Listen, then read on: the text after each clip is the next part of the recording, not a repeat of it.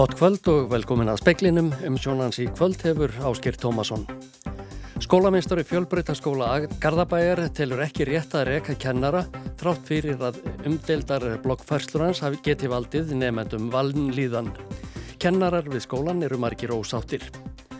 Personuvernd á Írlandi hefur sagt að samfélagsmiðlinn er TikTok um jafnverði 50 miljardar króna fyrir brota á personuvernd barna.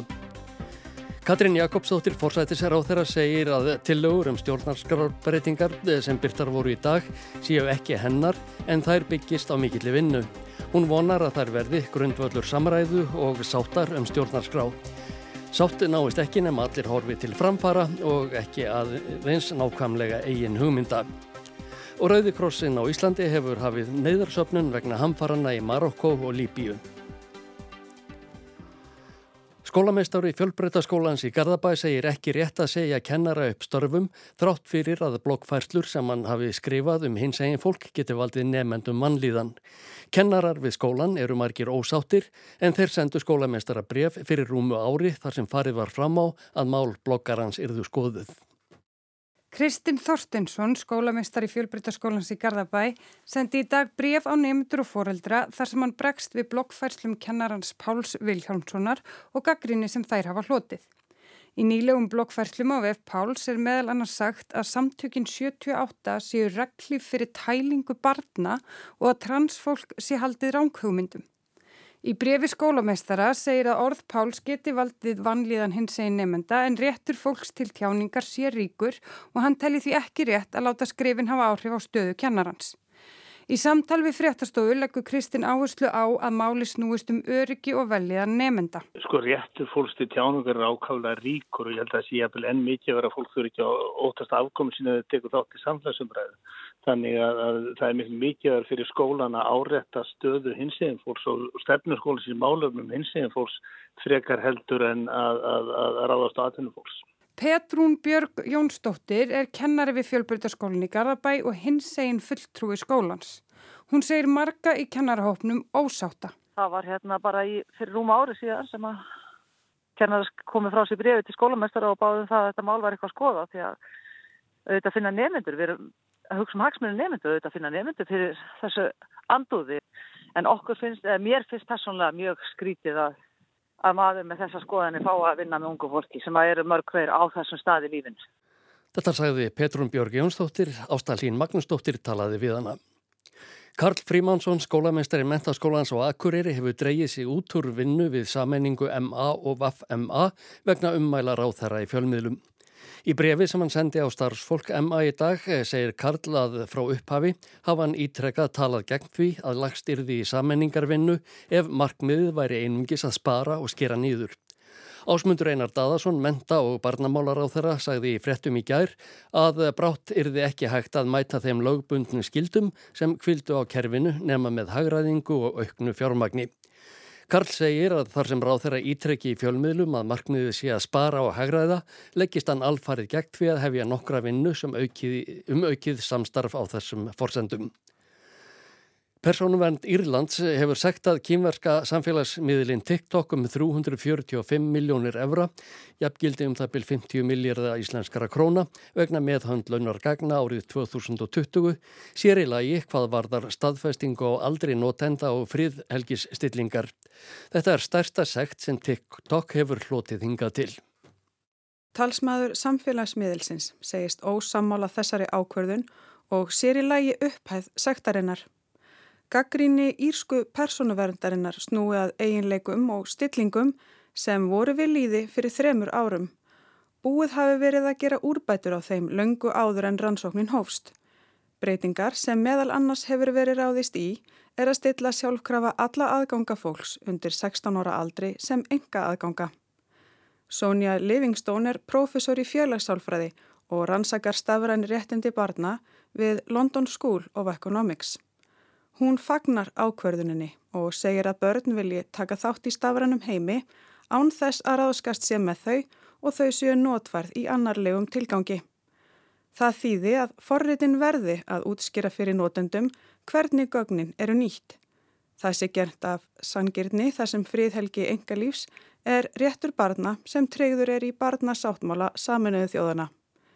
TikTok er enn til rannsóknar vegna grunns um að fyrirtækið hafi sendt gögn með ólöglegum hætti frá Evrópu til Kína. Valgerður Greta Gröndal sagði frá. Heimsmarkaðsverð á eldsneiti hefur hækkað umtalsvert á undan hörnum mánuðum. Fátt bendir til þess að það lækki á næstunni að mati aðalhagfræðings Íslandsbanka. Sáti-Arabia og Rúsland tilkynnti í voru að dreygið yrði úr framlegslu um olíu. Eftir að þau kungjarðu að framhald yrði á og framlegslan ekki aukin, hóf verðið að stíga. Núna mun þetta standa ennum hríð og þetta, þetta er alveg tölu sem munar um. Segir Jón Bjarki Bentsson aðalhagfræðingur Íslandsbanka og bætir við að samanlöð framlegsla landana tvekja hafi verið minguð um 1,3 miljónir tunna á dag. Þannig að þessi hækkun er eiginlega knúið fram bara með handafli. Já, það má segja það. Þessir aðilar eru þetta hluti af uh, svona samtöku sem heit OPEC Plus og eru, eru er samráðsvettvangu fyrir flesta stærstu olju framleiðendunum. Við bætist að spurn eftir eldsneiti hefur verið meiri en ráð var fyrir gert því spáð hafi verið samdrætti í heimshagkerfinu. Bæði stóru íslensku flugfélagin segja að eldsneitiskostnaður eigi eftir að hafa áhrif á rekstra niðurstöðu ársins. Jón Bjarki segir að meira þurfi til svo það hafi verilug áhrif á vilja ferðafólks til að koma til Íslands. Og að því að verðist verðast þeir ferðamenn sem hinga að koma vera svona heldur uh, efna meiri kannski heldur en gengur og gerist á þessum öðrum ferðamannstöðum.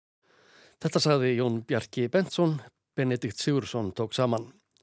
Rauðikrossin á Íslandi hefur sett af staði neyðarsöpnun vegna hamfaranna í Marokko og Líbíu.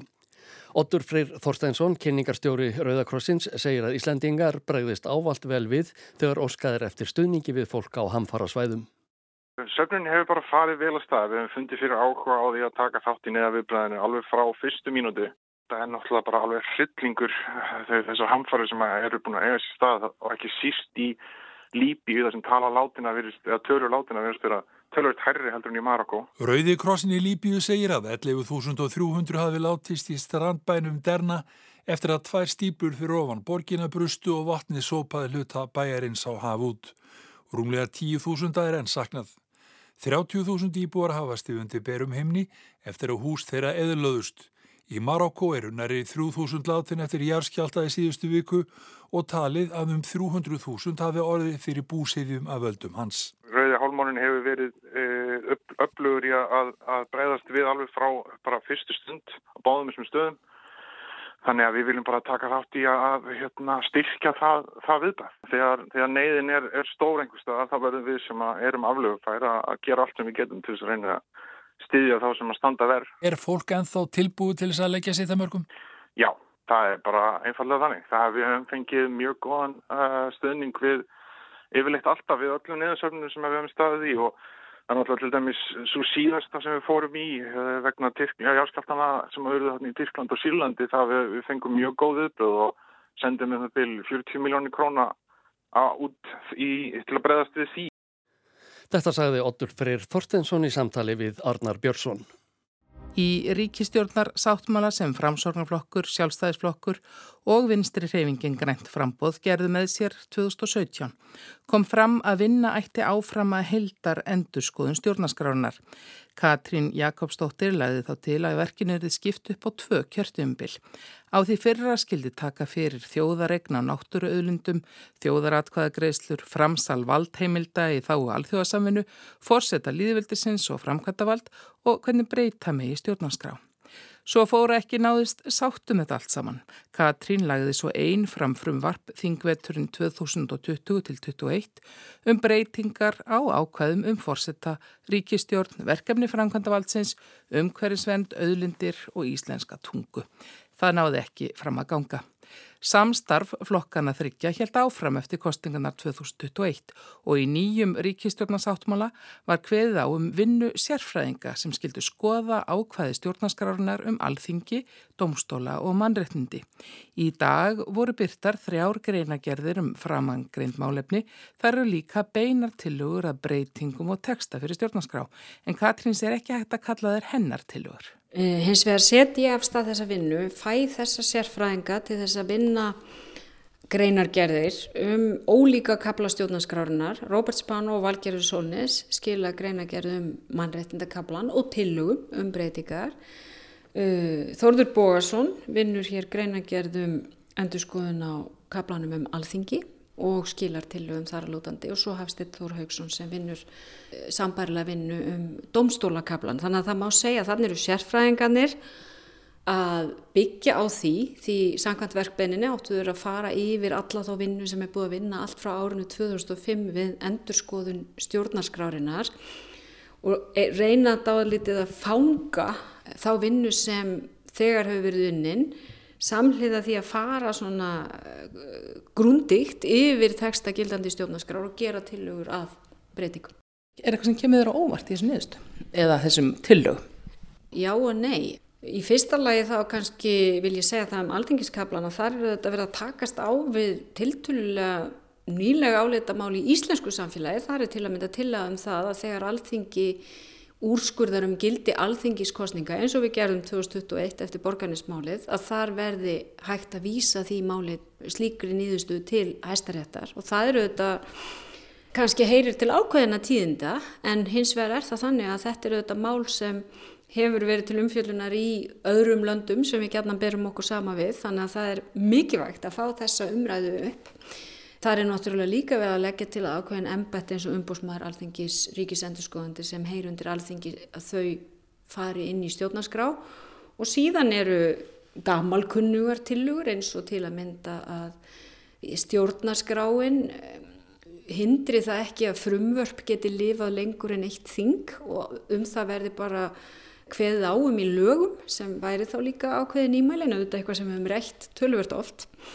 Í domstólakablanum er kannski verið dálítið að festa í, í sessi það fyrirkomla sem er hvað varðar domstólana á Íslandi, við erum auðvitað með nýtt domsti og, og það er svona fjallatölvert um það, hvernig er best að gera grein fyrir því í stjórnaskrá, skýrt hveðið uh, á um sjálfstæði domstólana sem eru auðvitað algjörslíkilatri og svo er það mannréttinda greinagerðin sem að líka kannski kemur að einhverju leiti og óvart að þýleitinu til að það farið mjög ítalega yfir gildandi mannréttinda ákvæði og neyðustan svo að þau hafi staðist nokkuð vel tímanstönn þó að ákveðnar tilugur séu svo gerðar. Það var farið yfir mannréttindakabla stjórnarskrárunar fyrir núna næstu 30 árum og, og breytt alveg tölvert mikið.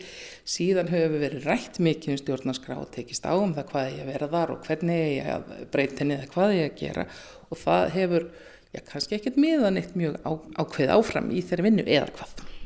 Nei, það hefur nú svona mikið verið unnið og mikið verið rætt en, en lítið gerst og hérna Það eru auðvitað að hafa verið uppi deilumál sem eru náttúrulega búin að vera uppi í samfélaginu allt frá bara meiri 2000-öld eins og ákvæðum auðlindir í þjóðaregn sem gerðir hér ákveðin tillagu um að sé orða með tiltöknum hætti í mannreitindakablanum og það er ekki með sama hætti og þegar ég laði fram frumvart þar að lútandi á síðasta kjörtímabili farið ágjörlega yfir þessa tillugu og hún raukstutt þannig að greinagerðar höfundar er að reyna að fanga alla þá umræðu sem fariðu fram um þau mál í þessu auðlenda ríka samfélagi í marga áratvíi. Það er lagt til ákvæðum umhverjus og náttúruvend sem, og það er engin launungamál að mín afstæðir að það er náttúrulega svo lungu tímabært að fá stíkt ákvæðin í stjórnarskrá, en aftur þá er ákvæðið ekki samhljóða því sem ég laði sjálf fram á síðasta kjörtímabili og búið að vinna það áfram. Það eru síðan gerðar tillögur til að mynda bara hvað að styrkja ákvæði stjórnarskrárunar um personuvend sem er endurspeglar einhverju leiti sko tæknibreitingar og breyta tíma í samfélaginu þar sem okkar personu upplýsingar eru auðvitað út um allt í raun og veru í þessum tækniveta heimi þannig að vissulega er aðeins verið að uppfæra kablan út frá breytum tímu. En hvað verður svo um þessar tilugur núna? Ég hef haft mjög sterkar skoðanir á stjórnarskrá. Að einhverju leiti er það mín niðurstu að hins vegar að við munum ekki ná fram breytingum og stjórnarskrá með því að einhver eitt fá allt sem hann vil. Þannig að ég mun bara núna frá með í dag þá eru þess að tillögur bara komnar út til allra sem þær vilja kynna sér. Ég mun svo auðga frumkvæða því í samstarfi við fræðarsamfélagi, stopnarnir, þrjálfsfélagsamtök og stjórnmálaflokkana efna bara í opið samtal um þetta sem og þá vinnu sem unni var á síðasta kjörtímabili þar sem til að mynda við erum með mjög yfirgripsmikla umfjöllunum kapla stjórnaskránar um fósetta og framkvæmdavald eh, þannig að svo ég nefni það sem dæmi ég hef nú svona aðeins rætt þetta stutlega við alla formenn flokka á alþingi og ég hef vendingar um að, að þau séu öll reyðubúni að taka þátt í þessu opna samtali og svona vega og meta hvort þú telji þetta vera framfara skref fyrir stjórnarskrá lífveldisins. Ég mun svo um áramótin ósk eftir bara fundum með formunum flokka eða fulltrúum þeirra þar sem verður farið aldrei svona yfir þetta allt saman og kanna hvort að möguleiki sjá að ná breyðri samstöðu um breytingar og að því að þú bendir á réttilega lítið við þokast í þessum málum þá held ég að það sé mögulega órunhæft að gera ráð fyrir fullri samstöðu um stjórnarskrábreytingar. Sé hægt að ná breyðari samstöðun áður þá held ég að það sé til mikið samina. Finnst þér þá að það ætti aftur af því nú vísar til þess að á síðasta kjörtímbili þá lögðum henn upp í upphafi með að skipta upp endur skoðan stjórnarskrárunar, taka fyrir vissa þætti þá sem enda sem er frumvarpi sem ekki var samtíkt og svo aðra þætti sem voru undir núna í þessum greinagerðum mm. að, að reyna samin þetta svo allt aftur. Já og ég vil náttúrulega nefna það líka ákveðnið þættir eru ekki til umfjölduna hér. Það eru kostningar og kjördamarskipan sem er mál sem ég held að skipti mál að ræða bara á vettfangi stjórnmálan og þar eru ólík sjónami sem takast á sem snúa um jöfnun atkvæðisréttar annars vegar og tengsl þingmanna við kjósendur sína hins vegar og þessi atriði þau geta rekist á eins og við þekkjum því við auðvitað stækkuðum kjörtaminn síðast til þess að ná aukinni jöfnun atkvæða. Þannig að þetta er auðvitað mál sem þarf að ræða sem og auðvitað ákvæði sem við höfum lengi verið að ræða á vettvangi stjórnmálunum framsal valdimilda og ekki hefur nást samanum. Við erum setjum hér á svona miðjukjörtímbili og þannig að ennþá sá háttur á til samþykja stjórnarskarabreytingar þá var fyrsta nást saman á þessu þingi og svo aftur að kostningum loknum á næsta þingi. Gengur þetta upp svona í tímarammanum eins og þetta sé? Já, við erum á miðjukjörtímabili þannig að ég sjálfur sér að því þetta eins og breytinga á hvað stjórnarskrárinar er nú þá er gert ráð fyrir að þetta sé síðasta máli sem agrættir á hverju kjörtímabili. Þannig að við erum alveg með góðan tíma í verkefnið og það er óbúslega góð vinna, ég meina þetta er gríðalega góð vinna sem hefur verið unnin. Og það sem ég bara leifi mér að vera vongóðum er að við náum einhvern veginn að skoða þetta með opnum huga, eiga samtal um þetta með opnum huga. Ég hef sjálfsagt, ég er ekki búin að móta með nákvæmlega afstöðuna til þessara tillagna. Og ég held að nýðustöða fæst engungu þannig að við nálgóðst þetta öll þannig að við séum fyrst og fremst að hugsa um mál sem horfa til framfara fyrir íslenska stjórnskipan en ekki endilega nákvæmlega okkar eigin hugmyndur um hvernig það verður best gert. Í umræðum um stjórnarskrámálið núna undanfjörnum árum þá hefur kannski ekki síst heyrst í þeim sem að tala um það að það hefur verið búin til ný stjórnarskrá mm. til þær og þá vísa til til stjórnlega ráðsins og hún sé tilbúin og það sé það sem eigi að leggja upp með Hvernig kemur það inn í núna þessa vinnu? Já, þessi vinnu þetta byggir á þeirri vinnu líka því það var þetta mikil vinna vinnin uh, á vettfangi stjórnlæðarásins. Síðan náðist hreinlega ekki svo breyða samstáð alþingi sem hefði þurft um þær tillögur og í kjölfarið er lagt af stað fyrst í tíð uh, ríkistjórnarinnar sem satt 2013-16 og síðan í bara framhaldinu 2017 og svo tek ég þetta mál upp aftur að horfa á það hvernig við getum staðið að einhvers konar endurskoðan og stjórnarskrá í áfengum og það er bara það sem hefur verið unnið að síðan. Og auðvitað eru margir fastir ennþá í því menna það eru í þessu máli eins og sumum öðrum hæsta rattirnar hjá þeim sem ímist engungu vilja tillögur stjórnlarás eins og þær stóðu í nefndaráliti meiri hluta stjórnskipunar og eftirlits nefnda snemma ást 2013 nú eða þeirra sem engur vilja breyta. Ég held að svo afstæða kannski skil okkur ekki mikið áfram í þessu máli ef ég á að vera algjörlega reynskilinn. Þetta saði Katrín Jakobsdóttir, fórsættis ráþara, Anna Kristín Jónsdóttir, rætti við hana.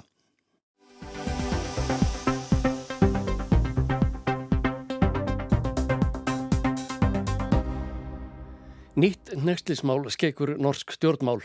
Núna er það eigin maður Erne Solberg, fyrirverandi forsættisráð þeirra, sem viður kennir að hafa blekt konu sína skipulega meðan hún styrði þjóðarbúinu. Hann kefti og seldi hlutabrif í stórum stíl og þvert á alla reglur, reglur um viðskipti fólks í ofinbæran stöðum en sagði konu sinni ósatt um braskið þar til nú í vikunni. Gísli Kristjánsson tekur við. Ernu Solberg var sínilega brúðið og það er í fyrsta sinn sem þjóðin verður vittna slíku hugarástandi hjá fyrrum fósættisráþara landsins. Og hún táraðist meðan hún sæði frá, en á miðugudaginn viðurkendi Sindri Finni, eigin maður hennar, að hann hefði sagt henni ósatt um viðskipti sín með hlutabref meðan hún var fósættisráþara á áronum frá 2013 til 2021 og síðan. Erna segi núna eigin maður hennar hafi blekt hana og brugðist trúnaði. Tillitsbrudd er alltid vanskelig, og ekstra vanskelig er det selvfølgelig i en familie og i et ekteskap. Og det gjør vondt for meg å være så hard mot Sindre som jeg er i dag.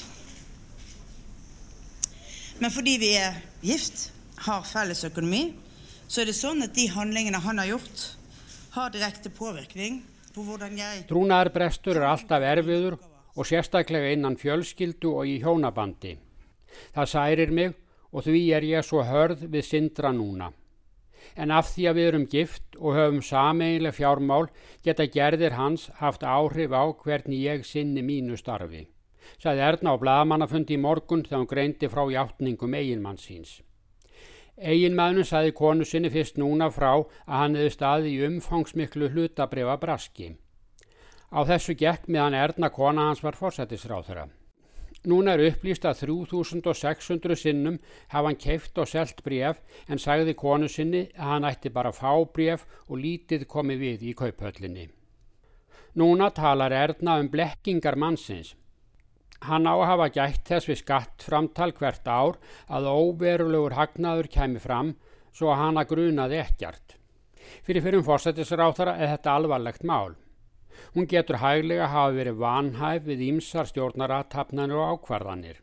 Engin veit hvort eiginmaður hennar komst yfir upplýsingar á heimili þeirra og í samtölum sem hann gatt svo nýtt sér við viðskipti í kauphöllinni. Og ekki heldur hvort hann reyndi að hafa áhrif á ákvarðanir konusinnar. Þó er vitað að hann setti saman langan lista um stjórnendur í ofinbjörnum stopnunum og fyrirtækjum þegar Erna tók við ennbætti. Þessa stjórnendur vildi hann burt en saðist aðeins hafa gert listan sér til skemmtunar og ekki sínt konusinni. Nú er viðbúið að bæði eftirlits nefnd þingsins og efnagsbrótadeild lauröklu fari yfir hlutabrjöfakaup eiginmannsins. Nú í haust sæði einn ráþur af sér vegna hlutabrjöfakaupa og efnagsbrótadeildin er með það mál til rannsóknar. Þetta er spurning um ólögleg innherja viðskipti, höfðu þessin menn aðgangað upplýsingum sem almenningur hafði ekki. Staðan hjá Ernu núna er hliðstað við vandræði Annikan Vítfeld utanrikisráð þeirra. Egin maður hennar stóð líka í braski í kaupöllinni án þess að segja konu sínu satt um viðskiptin. Þó voru upphæðir þar lægri og aðeins 40 fyrirtæki á kaupalista hans. Utanrikisráð þeirra hefur sætt hardir í gaggríni fyrir að gæta þess ekki hvað eigin maðurinn var að gera. Hún situr þó enn í ennbætti. Gaggrínin á utanrikisráð þeirra kom meðal annars frá Ernu Solberg. Hún saðist að því tilefni hafa gengið á mannsinn og spurt hann um hans eigin viðskipti. Þá sagði hann konu sinni enn ósatt en lagði svo lokk spilin á borðinu í vikunni rétt eftir að sveitarstjórnarkostningum laug. Þar hósaði hægriflokkur Ernu Solberg sigri en engin vissu um neykslið heima hjá henni sjálfri. Ríkistjórnarflokkarnir sem töpuðu voru hins vegar með böggum hildar vegna sinna neykslismála. Ráðherrar hér í Noregi meiga eiga hlutabref. En til að komi í vekk fyrir grunum innherja viðskipti ber fólki í fjölskyldum ráðherra að upplýsa alltaf um kaup og sölur. Þá ber ráðherra að afla upplýsingum hæfi sitt í störfum og þá dugar ekki að segjast að hafa ekki vitað. Ráðherra á alltaf að vita um viðskipti makasins. En um hjónaband sitt og syndra sagðist Erna ætla að ræða það mál við hann sjálfan og aðra ekki. Don't you know I'm still standing better than I ever did? Looking like a true survivor Feeling like a little kid. Broturlægi sem flestir hlustendur speilsins kannast að líkindum við Elton John og I'm Still Standing. Það kom út fyrir réttum 40 árum og hljómar yðulega á öldum ljósvakans en þann dag í dag Sjálfsagt álíkta margir að Elton John sé að syngja um sjálfan sig, ég stend enn keikar en ég hef nokkru sinni gert, en svo er ekki raunin. Tekstahöfundurinn Bernir Topin er þarna að yrkja um sjálfan sig eftir að leiðir hans og kærustunar skildi. Þetta er eitt af því sem sagt er frá í bókinni Scattershot, Live Music, Elton and Me sem kom út fyrir þessari viku. Í henni rifjar Bernie Taupin upp eitt og annað sem hefur að draga hans dreifið um æfina. Bókin er flokkuð sem sjálfsæfisaga. Það er þó ekki allsendi satt eða hún er að minnstakost ekki byggð upp eins og hefðbundnar æfisögur. Enda segist höfundurinn í upphafi vera allsendis ónýtur að hugsa um æfi sína línunlega. Taupin ólst upp á landsbyðinni á Englandi á bóndabæ í Lincoln skýri. Hann hjælt til Lunduna í æfintir að leita á táningsárunum. Leðir hans og Rex Dweitz sem síðar tók sér listamannsnafnið Elton John lágu saman þegar þeir svöruðu auglýsingu í New Musical Express árið 1967. Hljómplutu útgafan Liberty Records leitaði þar að ungu hæfileika fólki á tónlistarsviðinu. Ekki fenguður samning hjá Liberty en ákvaðu að vinna saman. Annar kunnið að semja lög en var ómögulegur í tekstónum. Hinn var vaksandi tekstasmiður en fremur lélegur í laglínunum. Bernie Taupin segir frá því í bóksinni að þegar leiðir þeirra lágu saman hafa hann ekki vitað að heil stjætt manna inni við að semja lög og teksta. Ég held bara að sá sem sönglögin hefði samið þau, segir hann. Frá árinu 1967 hafa þeir Elton John og Bernie Taupin unnið saman að frátöldum nokkrum árum sent á 8. áratug síðustu aldar. Samvinnan bar lítinn ávökt til að byrja með en síðula ár 1969 samti Topin texta sem hann nefndi Your Song. Hann var til á tíu mínútum við morgunverðarborðið heima hjá Elton John og mömmu hans. Elton tók handritið sem var ávar bollafar og dálítið af ekkjarauðu, fór með það inn í stofu, settist við piano og samti lægið. It's a little bit funny This feeling inside Bernie Taupin segir að Your Song hafi skipt sköpum fyrir þá félagana. When Your Song came along we went, yeah this is different.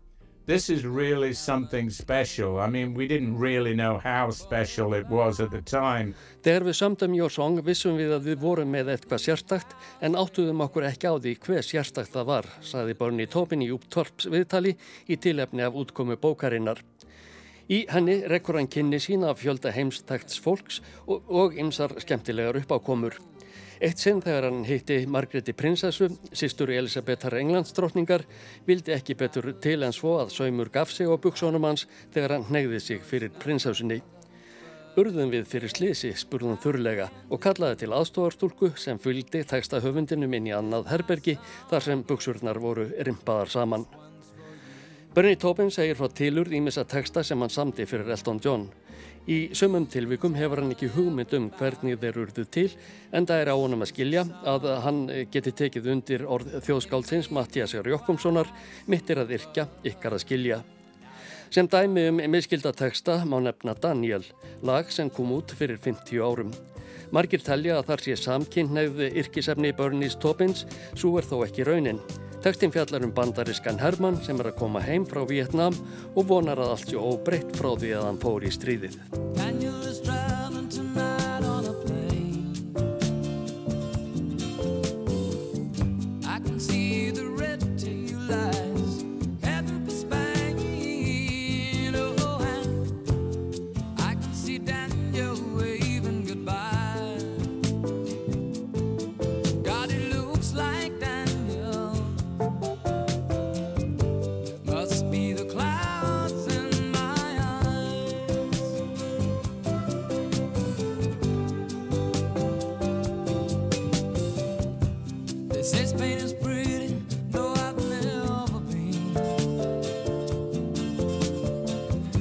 Í lokinn eður viðurhorfur næsta sólaring, suðvestan 3-8 metrar og sekundu og dáli til væta en þurft austanlands. Vaksandi suðvestan 8 morgun og fyrir að rigna, 10-18 síðdegis og talsverð úrkoma en hægari vindur á norð-austanverðurlandinu og þurft framundir kvöld. Dregur úr vindi og úrkoma á suður og vesturlandi annað kvöld, hiti verður 7-13 stig. Fleira er ekki speklinum í kvöld, tækni maður var Magnús Þorstein Magnússon, frétta útsendingu stjórnaði valgerður Þorsteinstóttir. Fréttir verða næst sagðar í sjónvarpi og ára ást 2 klukkan 7, útvarp fréttir klukkan 10 og fréttir uppfærðar á vefnum allan sólarhingin. Verðið sæl og góða helgi.